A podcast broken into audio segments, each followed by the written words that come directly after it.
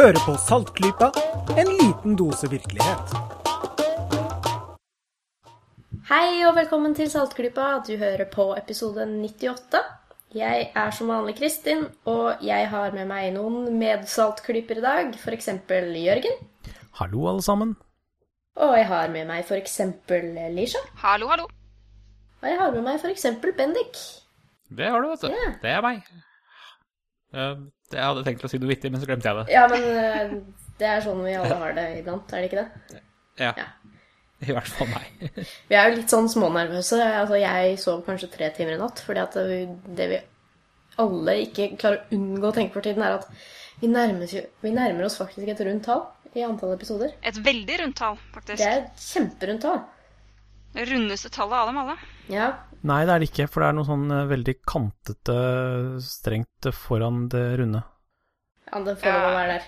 Nei, vi har jo snart episode 100. Det er sikkert de som er årvåkne lyttere, muligens fått med seg allerede.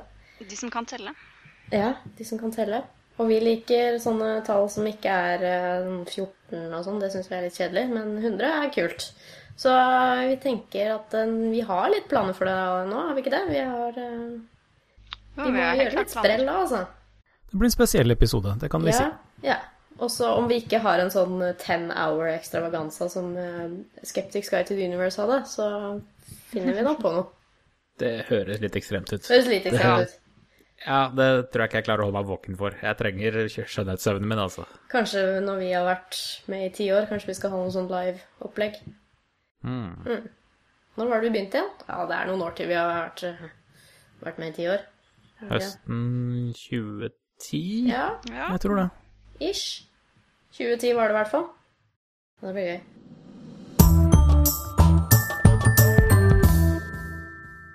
Nei, men uh, vi skal ha litt uh, saltklypa, vi. Og vi skal begynne med noen nyhetssaker. Uh, først så må vi få med oss nyheten som kom eh, for eh, noen Ja, ganske, ganske mange dager siden nå, egentlig. Eh, for eh, blasfemiparagrafen, den veldig, veldig, veldig sovende blasfemiparagrafen, eh, er opphevet i Norge.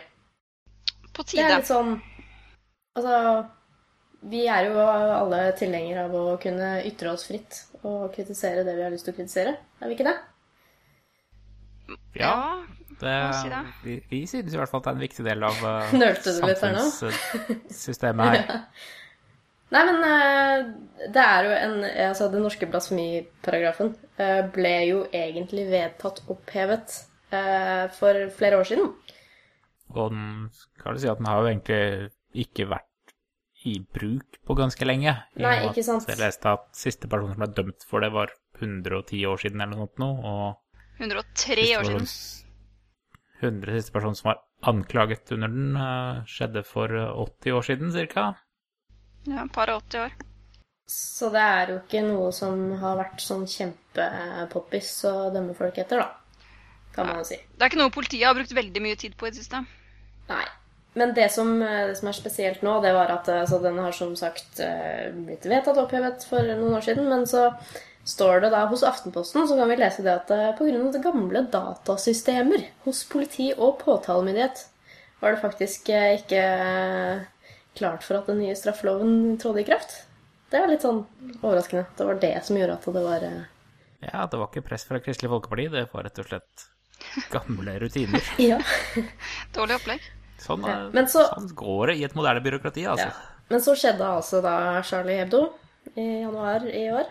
Og da var det litt sånn eh, Da tenkte, da, da tenkte Stortinget at da trengte de litt sånn strakstiltak. Um, så altså det, De fikk det litt inn over seg, da, som jeg skjønte at det Et spesielt vern mot ytringer var litt sånn Det var et behov for det. Um, jeg syns at uh, det var et litt spesielt utsagn fra en av motstanderne mot denne opphevelsen, da, nemlig redaktør Finn Jarl Sele i den kristne avisen Norge i dag. Han sier til eh, Vårt Land at eh, fjerningen av paragrafen er et kulturelt selvmord. Er dere enig i det? Kan jeg få lov å bare stille et spørsmål her først? Bare sånn helt apropos. Ja. Han var redaktør i en egen avis. Hvorfor er, står han på trykk i en annen avis? Nei, det er vel eh, Hvis han skal uttale seg til en annen avis, så, så må det vel kanskje være Vårt Land? Jeg vet ikke. Det må være litt meningsbryting, vet du. Ja, altså dette er jo Hele saken er jo nærmest et gjesp. Det er sånn Å ja, endelig fikk vi ut fingeren og fikk gjort noe med det som stort sett alle er enige om at skulle vært gjort for lengst. Ja. Og så er det noen som sier nei! Og så må de få lov til å slippe til, bare for at det skal være litt grann futt i en artikkel. Det er, det er nok eh, en sånn mediekonsekvens, dette her, at nei, nå må vi få tak i noen som er skikkelig, skikkelig imot det. Ja, og akkurat han eh, Sæle er jo eh, Ikke for å støte noen, men han er jo en eh, rikskjent raring, da. Eh, I forhold til norsk kultur i dag, så er det jo ikke mange som han. eh, Som har de meningene, og som går rundt og virkelig forventer at nå faller himmelen i hodet på oss fordi vi kan si stygge ting om Jesus, liksom. Altså, Ja. Så har han jo aller mest selv vært i media fordi han har vært med på å trykke Mohammed-karikaturene og stått på retten for å kunne drive blasfemi overfor uh, islam. Så eh, ganske mye dobbeltmoral inne i bildet her, da. Ja, men det er jo annerledes, vet du. Hvis du spør han, så sier han sikkert at det er noe dobbeltmoral, det er jo dobbelt så bra som vanlig moral. Ja, nei, han påstår jo det at i dag har vi ingen verdibasis. Og det, hvordan skal det gå med oss da? Jeg vil gjerne kontre det der for av her med et sitat fra den eh, store H.L. Mencken. Eh, Han var jo heller ikke noen stor tilhenger av eh, denne type paragrafer. Eh, Men han mente at eh, vi skal respektere eh, the, the other fellow's religion. But only in the sense and to the extent that we respect his theory that his wife is beautiful and his children are smart. Mm. Og det, det er vel omtrent så langt vi skal ta det. Eller jeg hører jeg kan lese opp eh, paragraf 142, da. Den er ganske, den er ganske gammeldags. Det står 'Den som i ord eller handling offentlig forhåner eller på en krenkende eller sårende måte viser ringeakt for noen trosbekjennelse hvis utøvelse her i riket er tillatt, eller noe lovlig her bestående religionssamfunns troslærdommer eller gudsdyrkelse, eller som medvirker hertil, straffes med bøter eller med hefte eller fengsel inntil seks måneder. Det der, Bare å lese den paragrafen, så skjønner man jo hva som er problemet med det. Fordi eh, hvem som forhåner og bla, bla hvordan, Hvem skal bestemme hva som er forhåning? Hva som er ringeakt? Dette er jo, For det første er det jo tankeforbrytelser. Det er jo ikke noe, som, det er jo ikke noe konkret. Det er jo et fullstendig victimless crime. Og hvem, hvem skal definere hva som er respektløst?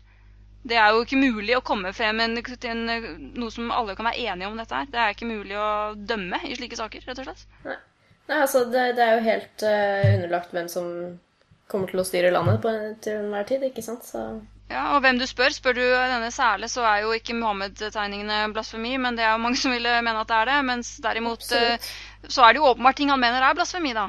Siden han mener at nå er det snart kroken på døra for uh, vår uh, 10 000 år gamle kultur her. Um, så dette er, sånn, det, det er så åpne definisjonsspørsmål at det går ikke an Juridisk sett så går det jo ikke an å ta i dette. I en normalt utviklet rettsstat. det er litt eh, Det er ganske tåkete. Det er det. Ja, men heldigvis så slipper vi å bry oss om det der, der. Ja. offisielt nå. Problemet er løst. I og med at uh, det problemet er nå offisielt løst. Ja, Så hvis du er en person som eh, Og jeg vet at det fins skeptikerpersoner som er kjempeglad i å blasfeme, så er det bare å gå ut og gjøre det nå. Men man skal ikke skade andre. Man skal være Vi grei og møtte jo en av dem for noen dager siden på puben, til og med. Det gjorde vi. eh, Det, og det skrøt vi veldig av at eh, det amerikanske Aron Ra skulle komme til skeptikere på puben, og han var, eh, var jo der forrige uke. Og vi tok en liten prat med han. Det, vi, han spurte om, vi spurte om vi kunne få 20 minutter, og det ble vel litt over 50 til slutt, sånn rent uredigert. Så det blir vel Men kanskje en bare slapp av. og Gode nyheter, alle sammen. Dere skal slippe å høre det i dag. Vi skal slippe å høre det i dag. Vi skal være korte og greie i dag og spare det til en egen episode.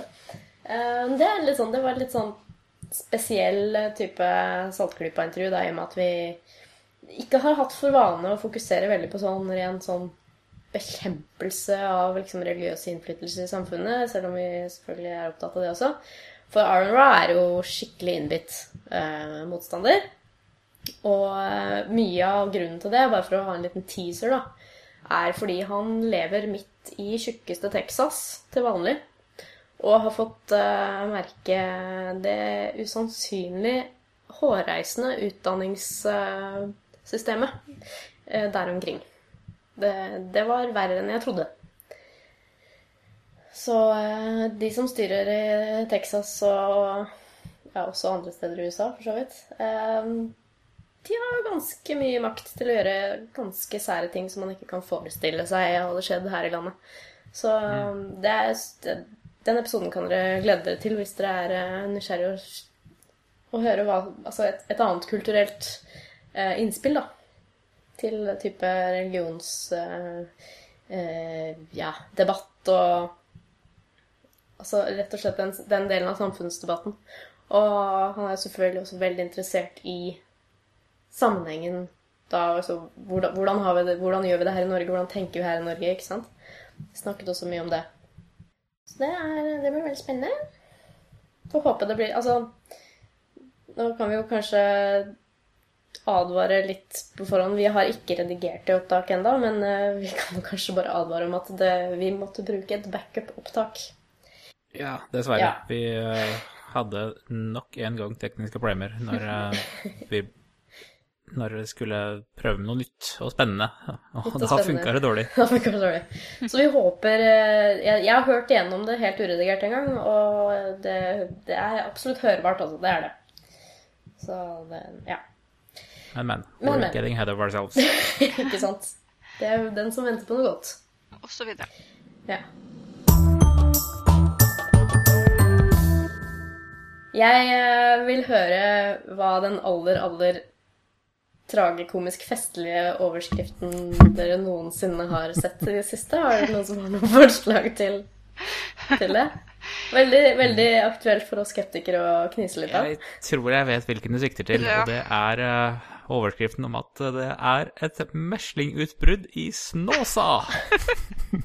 Det er jo fælt å le av et meslingutbrudd, men altså, det der er jo kommet som bestilt. Altså, Det der er en sånn sak som det- Du vet at det er feil å le, men du kan ikke la være. nei, For det er bare fordi- så perfekt absurd. Ja. Altså, her, her er det fritt frem for eh, konspirasjoner om uh, tjomlid-influensa. Det er liksom Det er jo selvsagt bare en helt normal, ordinær tilfeldighet at, eh, at den dukker opp der, men det, det er en komisk ironi over det hele. Hva vil du si at du er skeptisk til den uh, usedvanlige sammentreffet? At uh, meslinger og Snåsa er i samme setning? Det er jeg. ok. Nei, vi, vi ville bare nevne det fordi det er en utrolig Ja, hva skal vi si? Det er Festlig liten ja. sak, selv om det ikke er festlig med meslinger i det hele tatt. Men vi har en god nyhet om eh, sykdommer som har lett for å spre seg. Ja. I Libya så har de nå erklært landet for ebolafritt. Ikke Libya. Liberia. Liberia Ja, der kan du se. ja. Jeg leste rett og slett feil på en overskrift. Men ja. eh, Vi vet i hvert fall at Afrika ikke er et land, da. ja. Det er en Det er hovedstad. Eh, nei. Nei. Nei, jeg, jeg hadde lyst til å ta med den saken rett og slett fordi uh, tidligere her så snakker vi om at vi allerede på veldig få måneder etter den store epidemien starta, hadde glemt å ta opp som uh, en av de viktige tingene som skjedde i fjor, når vi hadde nyttårskavalkaden vår. Veldig, veldig passende, må jeg si. Ja. Uh, så nå bare vise at vi fortsatt henger litt med innimellom. Så ja. Liberia er altså ebolafritt. Yay! Yes.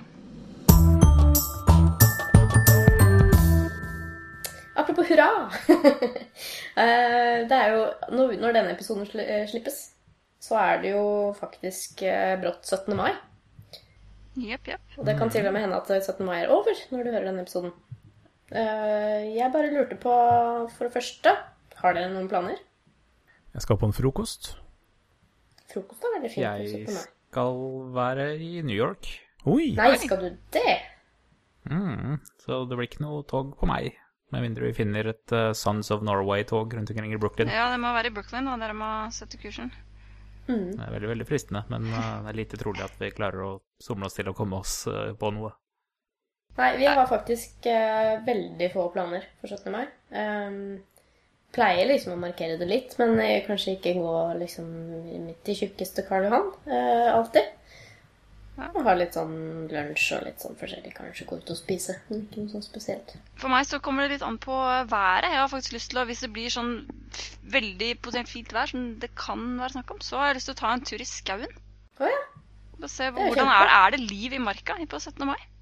Det er mulig det er helt annerledes der enn jeg tror. Kanskje det er masse folk der. Kanskje det. Det er mange som feirer veldig sånn alternativt, Ja, det er det. tror jeg. På godt og vondt. Men kanskje blir det drittvær, og da får man vel holde seg inne.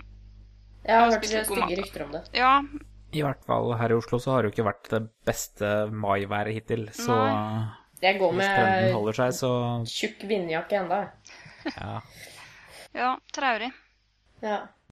Men Ulisha, du nevnte et eller annet som 17. mai i stad som jeg er veldig nysgjerrig på. Ja, eh, det er et eh, sitat som jeg eh, leste for lang tid tilbake, men jeg var smart nok til å lagre det. da. Eh, det er fra vår alle kjære Bjørnstjerne Bjørnson, som som vi vet eh, skrev 'Ja, vi elsker', dvs. Si han skrev teksten. Mhm. Eh, og hans fetter, da, Rikard Nordrak, komponerte melodien.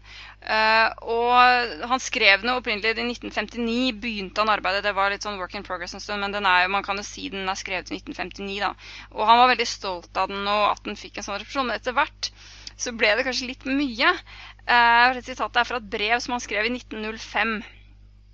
Uh, og der kan det tyde på at uh, han kanskje har fått dosa si, da. Eh, der skriver han eh, om dette sitt eh, største mesterverk. Hvor enn jeg går, blir jeg møtt med den sangen. Den driver meg til vanvidd. Den forfølger meg overalt. Hvis jeg ankommer et hotell, samler pikkoloer og kelnere seg for å synge den for meg.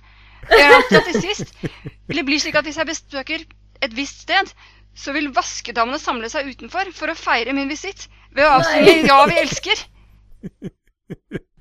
Dette var da altså drøye 40 år etter at sangen ble skrevet, og den ble jo da meget populær fra midten av 60-tallet. Eh, Så han har da Kan det høres ut som han hørte den et par ganger for mye. og så utrolig bra. Den hadde jeg aldri hørt om.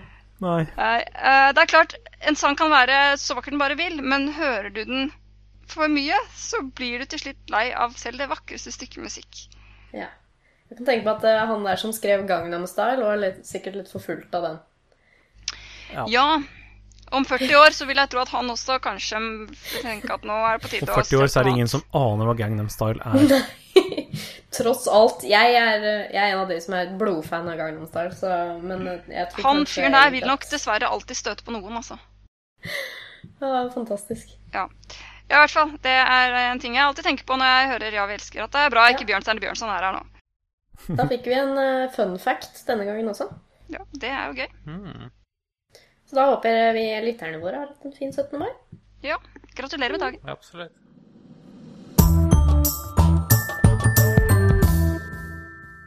Vårt tema i dag er et tema vi har vært borti før. Fordi at eh, vi har en sjelden ekspert på vårt panel. Ja. Eh, og eh, dette har vi hatt som tradisjon, og vi vil fortsette med det. Jeg syns at Lisha skal få lov å mm, få lov å informere oss litt om det som skjer fremover nå i mai. Veldig viktig hendelse. Ja, det er jo en annen eh, tradisjon, da. eh, som også finner sted i mai, som eh, folk Mange da, setter veldig stor pris på. Og blant dem meg, jeg vet ikke om jeg vil kalle meg ekspert, men jeg vil i hvert fall si at jeg er over snittet interessert. Det kan vi si. Det er nok eh, rettferdig å si. Vi snakker selvfølgelig om Eurovision Song Contest. Yay! Som Og jeg må, eh, jeg må bare si at jeg har satt meg veldig dårlig inn i det i år. Eh, Jeg pleier liksom å vite litt, og, og vite litt om låtene som er med og sånn, men jeg tror jeg kanskje jeg har hørt det norske bidraget én gang, og så vet jeg liksom at eh, siste finalen er den 23. mai. Det tror jeg er det eneste jeg vet om i år, og så er det i Wien, da, selvfølgelig. Ja. Ja. Eh, Det er jo da to semifinaler. Den første er tirsdag 19. mai, den andre er torsdag 21. mai, og så er da den store finalen. Det er, eh, som du sier, lørdag 23. mai. Vi er da i den andre semifinalen, eh, som er på torsdag. Eh, Og da må vi da komme oss videre. Det er vel, om jeg ikke husker feil, eh, 16 låter. Og det er ti plasser, da. Så det er jo relativt grei sjanse for å komme videre. Eh, og låta vår i år, den er eh, Ja, hva skal vi si? Den er, det, jeg syns er en veldig bra det er veldig bra bidrag. Og i forhold til at vi risikerte å sende den her eh, partylåten med disse folka som dansa rundt med pizza, så er jeg jo veldig Det var jo min favoritt, jo. Ja, nettopp derfor For, for en gangs skyld, for, for første gang ever, så tror jeg at jeg faktisk så den norske finalen og har, har hørt den norske sangen før etter at selve. Melodi Grand Prix er ferdig. Krøss i taket. Eh, men jeg har jobbet faktisk med det i år, så jeg satt og måtte sitte og se på. Ok, det var ikke akkurat frivillig, da. Og jeg digga den sangen. Det, bare, det hadde vært så fantastisk å sende den sangen. I stedet så sendte vi en sånn der helt ordinær Melodi Grand Prix-stil-sang. Fordi jeg føler liksom at man kan kjenne igjen sånne der Melodi Grand Prix-sanger på liksom Det stilen og feelingen og sånn. Ja, det er og, noen typer. Ja, det, Og det er bare den, den vi har sendt, er en god, grei Melodi Grand Prix-sang. Den kommer sikkert til å score høyere enn gjennomsnittlig norske resultater i Melodi Grand Prix, men den er bare så utrolig MGP, altså. Ja, den er veldig sånn uh, dyster. Da. Den er veldig Det er en gloomy ballad. Uh, og det er litt dumt, fordi det var egentlig det vi sendte i fjor også. Det var, det var også en sånn veldig langsom sang om psykisk uh, uhelse. Um, men folk har ikke så god hukommelse, får vi håpe. Eh, og nå har vi en veldig vakker ung kvinne da, som skal synge i hvert fall halve låta, og det hjelper jo på. Um, de har fått litt pepper fordi de har vært veldig lite fremme i media i forhold til eh, å reise rundt i Europa og promotere seg og sånt noe, som en del gjør. Og det er rett og slett fordi de har ikke penger til det. For de har ikke noe stort plateselskap i ryggen, så de har ikke råd til å gjøre dette. Da får vi håpe at det heller vil gjøre dem litt sånn mystisk og spennende, da, og at folk ikke rekker å bli drittlei låta vår før Eurovision-uka. Eh, vi får se det sånn. Um, det er ikke noen soleklare favoritter i år, egentlig. Det er et veldig jevnt felt. Det er ingen sånn fantastisk bra låter. Og det er heller ingen sånn fantastisk dårlige, så det er jo litt kjedelig, da. Eh, De som er dårlige, de er egentlig bare sånn helt intetsigende. Det som er litt spesielt i år uh, nå er jo, Dette er veldig morsomt, og jeg syns det er fantastisk at de har holdt på så vanvittig lenge. Dette her er det 60. året at eh, Eurovision eh, feires. Og når Østerrike vant i fjor, så var det for første gang på 48 år. Ja. Så de var relativt happy, da. Mm. Og det var litt snakk om hvilken by som skulle være vertsby. Og for de sa at ja, Wien har jo vært det før. Men de kom frem til at siden det var da 48 år siden, så er det vel ikke så mange som sitter og kommer til å sammenligne da, med forrige Eurovision i Wien. Så det ble da hovedstaden i år òg. Um, kanskje kuleste som har blitt gjort i år fordi det er finalen, da fordi, for det er finalen, fordi det er 60-årsjubileum, så har de tenkt at vi må gjøre noe litt ut av det. Og gjøre noe veldig spesielt. Og det de har bestemt seg for å gjøre, det er å invitere et eh, ikke-EBU-medlem til å delta. Uh, for dette er jo uh, en konkurranse for Det er ikke en konkurranse for europeiske land, som mange feilaktig tror. og Derfor så sier de hvorfor får Israel være med. Uh, det er en konkurranse for EBU-medlemmer. Sånn at Saudi-Arabia kan vel være med, om jeg ikke tar feil. Om de skulle ønske det. Marokko har faktisk vært med. For de uinnvidde EBU står for European Broadcasting Union og er eh, en bransjeforening for europeiske TV-selskaper. Det er det. Så nettopp der, Vi har faktisk to EBU-medlemmer i Norge. Og det er ikke Norge som er medlem, det er NRK og TV 2 som er medlem. Så det er jo egentlig NRK som deltar, da. Og diverse land, f.eks. Marokko, har eh, et EBU-medlem, og de har deltatt. Eh, og det gikk så ufattelig dårlig for dem at eh, kongen deres nedla forbud mot ytterligere deltakelse. Eh, Så Marokko får vi ikke se igjen. Men vi kan altså se sånne ikke-europeiske land, fordi det er en konkurranse for medlemmene i EBU. Eh, Men det er jo konkurransen er jo populær over hele verden, og særlig ett land som ikke har noe EBU-medlem. Eh, Og grunnen til at land ikke har det, det er jo hovedsakelig så skyldes det normalt at hvis du er medlem, så må du sende et visst andel EBU-produserte ting. De lager mye sport, f.eks. Og hvis du da er et land hvor befolkningen ikke er interessert i de sportene, det er jo typisk europeiske sporter selvfølgelig, så er det ikke så hensiktsmessig å ha medlemskap. For da blir du nødt til å vise en masse greier som folk i landet ditt ikke vil se. da. Og det er jo ikke det du bør gjøre hvis du driver TV-selskap, eh, som de fleste vel forstår. Eh, men et land som ikke har noe EBU-medlem, men som elsker Eurovision Song Contest, det er Australia. Australia, ja. Og de skal nå faktisk delta i år. Eh, og de har jo gått eh, helt over alle støvleskaft av eh, lykke. Fansen der nede de er helt hysteriske av glede, og det finnes en del virkelig hardbarka fans der. Eh, og de har faktisk sendt en veldig bra låt. Jeg liker den kjempegodt. Jeg, synes den, jeg kommer til å stemme på dem. Jeg synes det er så kult. Men for de som blir kanskje litt bekymret for at konkurransen skal forlate Europa, eh, det kommer ikke til å skje. Hvis ikke min favoritt vinner. For hvis Australia vinner, så blir det Tyskland som skal arrangere. Da skal Australia få låne en tysk by. uh, og arrangere finalen der. Eh, så det er allerede ordnet at uh, det blir ikke i Australia, da. Nei, jeg lurte på det. det bli Det blir vanskelig, fordi det er jo EBU-medlemmet som da vinner, som må bekoste finalen. Og når de Mm. ikke har noe EBU-medlem, så går jo det veldig dårlig. Så da er det den Ja. tyske statskanalen som skal bekoste finalen, da, hvis de vinner. Det spørs vel. Um, som sagt så er det eneste muligheten for konkurransen å forlate Europa i år. Det er hvis min favorittvinner. Jeg heier veldig på Israel. Jeg syns de har en helt fantastisk bra låt. Uh, som er, Den begynner som en egentlig veldig, kan virke som en veldig trist ballade, både på melodien og på teksten. Det er en ung mann som forteller mammaen sin at nå har han blitt dumpa igjen. Uh, og det er så trist. Men så plutselig så slår det om, og så blir det en kjempehappy, kjempemorsom danselåt. Uh, hvor han i refrenget avslutter med at før jeg går, så må jeg få vise dere Tel Aviv. Uh, og Jerusalem har tidligere vært vertsby når Israel har uh, hatt konkurransen, men mange vil jo mene at uh, som en veldig moderne og homovennlig by, så er det egentlig Tel Aviv da, som bør være vertsby neste gang. Jeg er helt enig.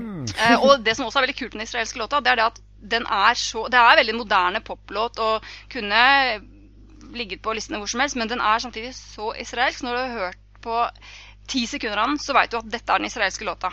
Men samtidig så er det ikke noe folkemusikk, og de sitter ikke der med liksom tradisjonelle instrumenter og plinker og plonker. Det er helt moderne låt, men de klarer å få den inn sånn helt eh, Nesten øh, underbevisst. Altså at hvis du har hørt på en del litt sånn rar popmusikk fra rundt om, så tar du det med en gang. Dette er Israel.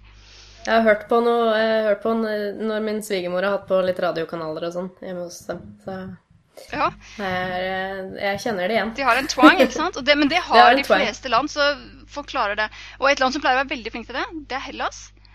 Eh, og de har gjort det Mm. veldig bra med sånne låter som har vært veldig lett gjenkjennelig greske. Og i år så har de en låt som overhodet ikke er det, som kunne komme fra hvilket som helst land. Og jeg bare gleder meg til å se dem gå så intenst på trynet som jeg er sikker på at de kommer til å gjøre. Den låta er en sånn som er en av de dårligste i år. Den er helt totalt intetsigende. Og jeg tror de, det kommer til å straffe seg. Jeg tror folk liker det derre det greske, rett og slett. Og det finnes i det her. Kunne kommet fra absolutt hvilket land som helst. Men det er jo litt av, litt av det bra med Eurovision nå, er egentlig det dårlige. Ja. sånn- Altså, det, er litt, det er den der motsetningen der, syns jeg. Det er litt derfor man ser på det òg. Ja, derfor er det litt synd i år at det er ingen sånn eh, dritdårlige låter. Eh, ofte så pleier det å være et par hvor du virkelig sitter der og tenker at mora hans må jo være flau nå. Eh, men den låta som jeg trodde skulle være det, det trodde jeg basert på tittelen. Jeg har vært ute en del og reist i vår, så jeg har ikke klart å følge med så tett som jeg vanligvis pleier. Så jeg fikk bare hørt tittelen på den aserbajdsjanske låta. Den heter 'Hour of the Wolf'. Eh, og da tenkte jeg dette, her har vi den! Her har vi den der. Det har vært noen sånne låter med lignende titler eh, tidligere, særlig i 2008. Men jeg husker var et høydepunkt for sånne utrolig dustelåter. Og de heter gjerne sånne ting, da. Sånne utrolig svulstige ting som egentlig ikke betyr noe som helst. Jeg tenkte her, nå. Og det var litt rart det skulle være Aserbajdsjan, for de pleier å legge lista veldig høyt. Men det var bare tittelen var misvisende, for den låta er utrolig fin. Eh, nydelig.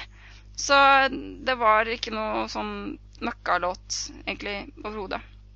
Um, så nei, dette her det er et veldig åpent felt. Jeg har for min del ikke noen anelse om hvordan eh, dette kommer til å gå. Eh, Sverige har nå endelig De har en ganske høyt rangerte. De har endelig sendt Mons Selverløv, og han fortjener det. Han har lengtet etter dette lenge. Men han skulle dreist i 2007, for da hadde han en låt som var så mye bedre enn dette, og så mye bedre enn det møkka oppsopet som de endte opp med å faktisk sende. Og som gjorde det dårlig. Som forventet. Er det i år noen sånne derre Jeg vil ikke riktig kalle det freaks, men eh, noen sånne derre totalt uh, Veldig gøye mennesker, da. Sånn. gøye mennesker. Kjempe- Altså Conchita Wurch-style. Vi tenkte vel alle sammen at eh, det ville vel ose over av uh, freakshows uh, på årets Alle skulle imitere det som vant forrige år. Man skulle tro det, men det er noe som rett og slett ikke funker. Altså. Fordi det som helt typisk skjer, er at det som vant i fjor, det vil publikum overhodet ikke ha i år. Slik at hvis noen hadde sendt da, en drag queen, så hadde det gått fullstendig på trynet. For nå har vi sett det. Vi er ferdig med det. Nå kommer det til å bli noe helt annet. Så det blir ikke noe dam med skjegg, og det blir heller ikke noen eh, James Bond-temalåt uh, som vinner. Ja, i år. ikke sant. Eh, men eh, nei, det er, det er veldig jevnt og jeg vil si egentlig ganske nøytralt uh, lineup i år. Det er liksom ingen som eh, skiller seg ut verken med merkelig hårvekst eller andre helt sprø ting. Eh, nei, dette er eh, Det er ikke lett, altså. Eh, Jeg, eh, jeg tør nesten ikke spå om dette her. Men du har jo eh, Du laster jo opp videoer på din YouTube-kanal, gjør du ikke det? Jo da, jeg snakker om, lager eh, reviews av hver eneste låt med mine Ja, ymse tanker. så det kan du jo, eh, hvis du gir oss en link på det beste stedet, sånn one source inngang til disse videoene, så kan vi jo Ja, YouTube er jo stedet, og Ja. det finnes også en helt fantastisk nettside som man ikke kan leve uten å ha bokmerket. Eurovision.tv. eh, Som Ja. er konkurransens egen hjemmeside. Der er bare Det er ikke bare alt selvfølgelig om konkurransen. Alle låtene med tekster. Og for de som da har tekster på sitt eget språk, så finnes det selvfølgelig engelsk oversettelse. Eh, Men det er også alle mulige slags nyheter om ymse ting som foregår som er Eurovision-relatert. Det er helt utrolig hvor mye de klarer å trøkke ut av dette her. Altså. Akkurat nå selvfølgelig foregår det mye, men året rundt så har de eh, spennende, spennende nyheter. Og en trist nyhet de hadde nå i vinter, var jo at Udo Jørgens dessverre gikk bort. Han var jo da sangeren, oh, og om jeg ikke husker feil, også låtskriveren bak Østerrikes forrige vinnerlåt. Og det var mange som syntes var litt trist at han da døde bare noen få måneder før de skulle arrangere det igjen. Men som sagt, dette var altså 48 år siden, så han var jo ikke helt ung lenger. Eh, det må jo vedgås.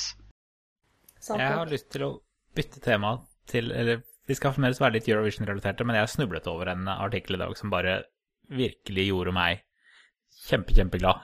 Få høre. Uh, og det, det har bare litt med Eurovision å gjøre, men det har med byen Wien i stedet. ja.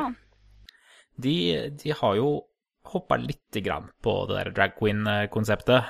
Eh, fordi i anledning Melodi Grand Prix så har de nå bytta ut en hel del av byens trafikklys til å ha et homoseksuelt eller lesbisk par på seg på fotgjengerovergangene, i stedet for eh, den vanlige grønne og røde mannen.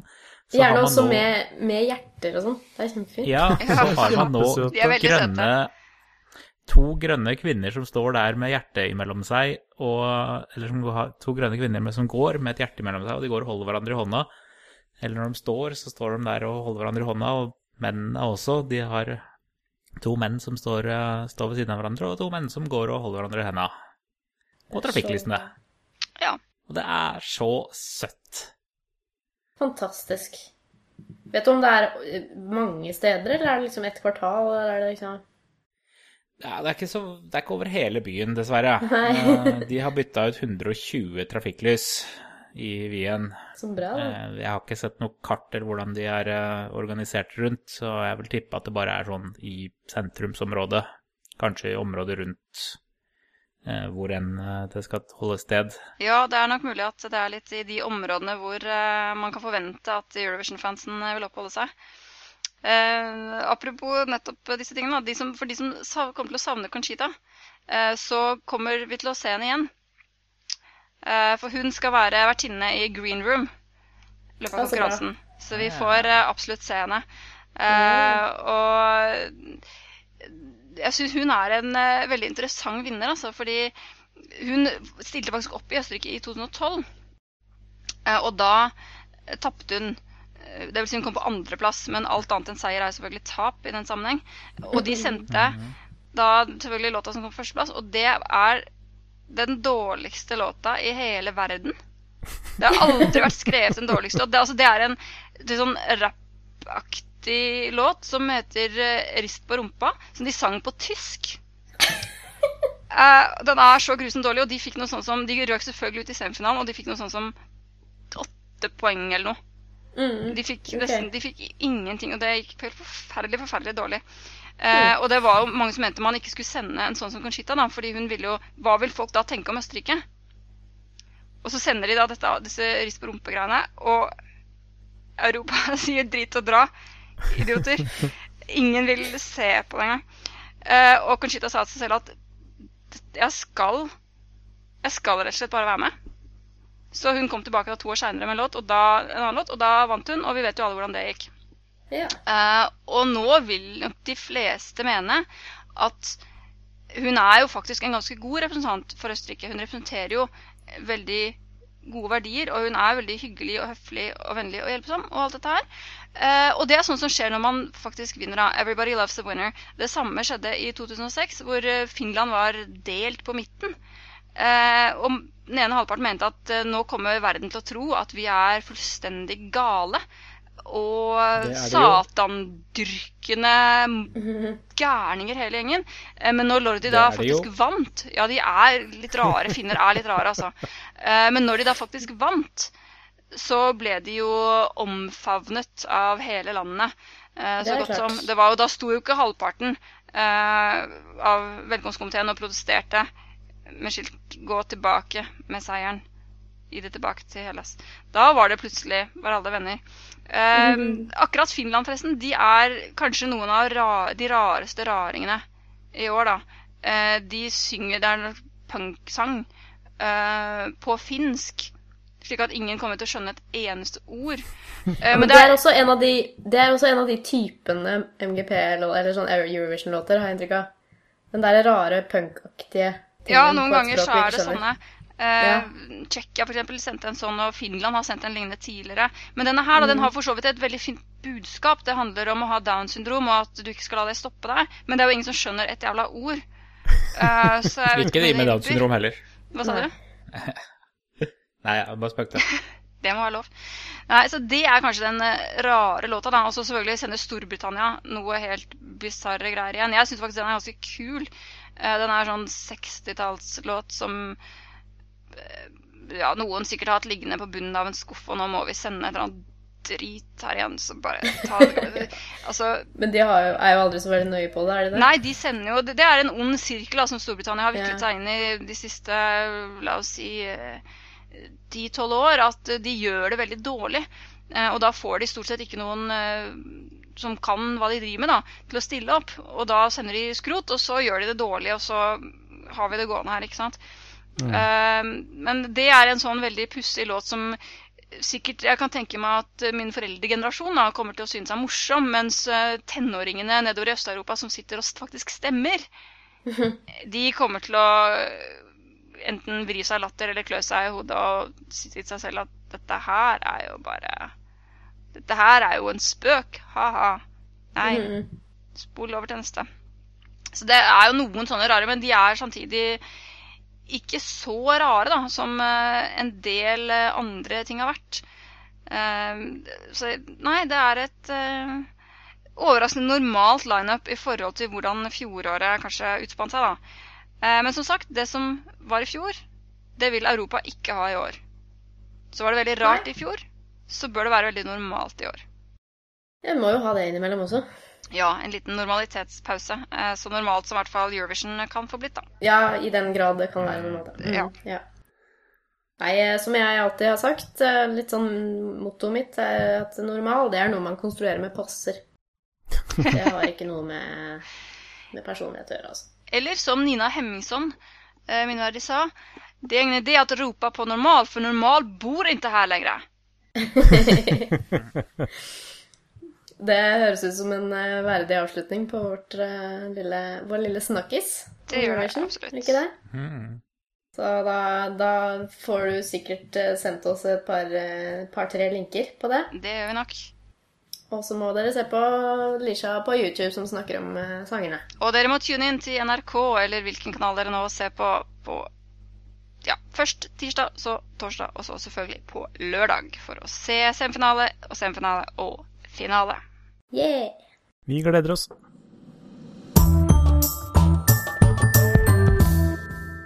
Da skal vi over til eh, anbefalingene vi har denne gangen. Vi har et par stykk. Eh, først så vil jeg eh, endelig annonsere neste Skeptikere på puben, som jeg hele tiden har sagt at å, vi får to treff i mai, men jeg kan ikke si hva det blir ennå. Forrige var selvfølgelig da Arn Ra på puben. Nå, eh, den 25. mai, grunnen til at vi har to treff på samme måte, er at eh, vi veldig gjerne ville feire Towel Day. Jeg vet ikke om dere har, eh, har noe forhold til Towel Day? Å jo Det da. høres ut som noe, noen folk som er litt for store fans av uh, Hitchhiker's Guide to the Galaxy. Ja, Man kan ikke og bli for stor fan av Hitchhiker's Guide to the Galaxy. Jo, det kan man. jeg vil være De fleste er uenig det. med deg der, Bendik. Um, Tau Day er jo da den- Det feires eh, hvert år. eh, eh, 25. mai. Til eh, minne om eh, Som en tributt til Douglas Adams, da, forfatteren av bl.a. Hitchhiker's Guide to the Galaxy. En av de aller beste humor-sci-fi-bokserien som noensinne er skrevet. Eh, på den dagen så har man med seg et håndkle. Og det vil man skjønne hvorfor, hvis man har lest den boken. Og skjønner man det ikke, så må man bare lese boka. Ja. Det er eh, altså Hvis jeg klarer å lese den boka, første boka på noen timer, så klarer andre folk det også, for jeg leser sakte. Jeg har ikke lest boka, men jeg skjønner det fremdeles. Ja. Ikke sant? Dessverre. Ja. Eh, så vi skal linke til eh, Tid og sted er sånn Det er akkurat klart, men jeg skal linke til eventen og sånn eh, i sendingsnotatene. Så skal dere få all info dere trenger der. Det jeg kan nevne, er at det kanskje blir litt quiz, kanskje litt diktopplesning, kanskje Og så må man selvfølgelig ha med seg håndkleet sitt. Det er det viktigste. Da tror jeg ikke jeg gidder å komme. Nei, det, vi vil ikke ha det her heller, Bendik. Så da håper jeg folk vil komme på det, og det skal vi linke til.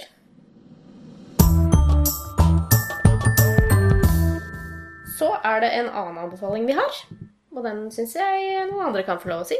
Ja, jeg kan ta det. Uh, Ja. Jeg hører jo på altfor mange podkaster, og oh, ja. når det kommer en ny podkast, så sier jeg jippi, enda en ny podkast. og det er da en ny en. Uh, gamle lyttere av dette programmet vil kjenne til at vi tidligere har snakket om eh, psykologilunsj. Eller psykologlunsj, det heter. Psykolog, psykologlunsj. Ja. Ja. Der hender jeg eh, tenker feil der. Eh, de har jo stadig pratet om oss, og vi har pratet om dem, så, så det burde være kjent. De pratet om oss i forrige episode de hadde også, så takk for det. Koselig. Eh, så da nevner vi dem også. psykologlunsj. Eh, Jan Ole Hesselberg, en av de tre i Psykologlunsj, han har nå begynt å lage sin helt egen podkast som heter Psykobabbel. Å, den høres fantastisk ut. Ja. Og det er også bare å søke opp i iTunes hvis du bruker det, eller hvis du har et uh, annet program, så går det også sannsynligvis an å bare søke det opp, det fikk i hvert fall jeg til.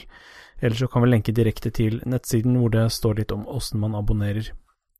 Og det er rett og slett uh, Jan Ole som uh, leser opp noen av de artiklene han legger ut på psykologbloggen. Og de er ganske bra. Så i skrivende stund så er det kommet tre episoder, og de er bra. Morsomme. Trivelig. Skepsisrelevante. Var det noen som var skeptiske? Altså, Jan Ole er jo typisk litt opptatt av uh, ting som er eh, relevant for uh, skeptikere, om hvordan vi lurer oss selv og sånne ting, og det er absolutt temaer som har kommet opp til nå. Så uh, for en god skeptiker må man kunne litt grunnleggende psykologi på sånne ting, og jeg anbefaler derfor også psykobabbel. Så bra. Jeg eh, har så vidt abonnert, og jeg har selvfølgelig en lang backlog av podkast, men jeg skal komme til den ganske snart.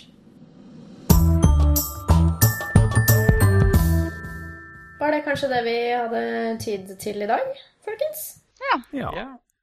Da syns jeg vi skal eh, ta oss eh, litt eh, velfortjent fri, og så prates vi igjen om eh, ikke så altfor lenge. Mhm. Jepp, jepp.